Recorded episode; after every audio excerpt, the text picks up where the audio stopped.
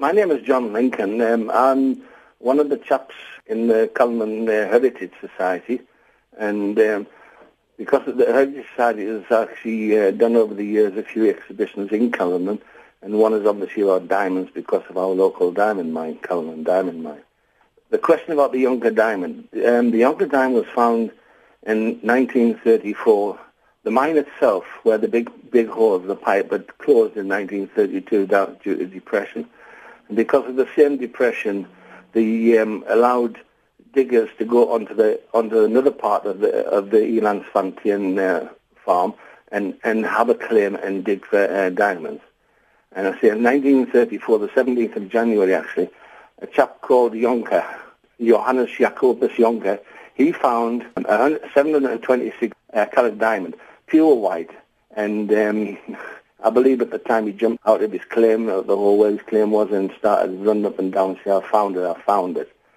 Vertel my oor meneer Jonker, hoe het hy hierdie diamant raakgeloop en wat was van sy omstandighede? Now, the, the basic thing about the diamond was, no, the, the, the Jonker was just a, a local guy, depression, what have you, no money, diamond mine closed. He, he's looking just for to try and keep his family going. And uh, he came across the big one, the 726 carat Jonker. In daai jare was dit die vierde grootste steen wat al ooit gevind is. John, vertel my bietjie meer oor die diamant self. Anyhow, the, the diamond was 726 carats. In 1936, it was cut uh, into, into various stones, the biggest being 142 carat diamond. It was a D color, flawless. And people at the time actually thought that it could have been part of the original Cullinan Dam, which was found about five kilometres away, um, which was 3,105 carats. Um, but uh, we're not 100% sure if it ever was actually part of that diamond or not. Dit was toe in 13 stukke gesny, maar wat het daarna met die diamant gebeur? Anyhow, it was sold in 1939. Uh, King Farouk of Egypt actually purchased the Yonker. Uh, that's, that's the Yonker one, which is the biggest diamond. But he was deposed and exiled in 1952, and the gem gem uh, was lost. We, we don't know where it went. And the last location we have for the Jonker Diamond was in Hong Kong in 1977 when it was sold to an anonymous buyer. So dit was die grootste steen. Wat van die ander? Is van hulle nog in Suid-Afrika?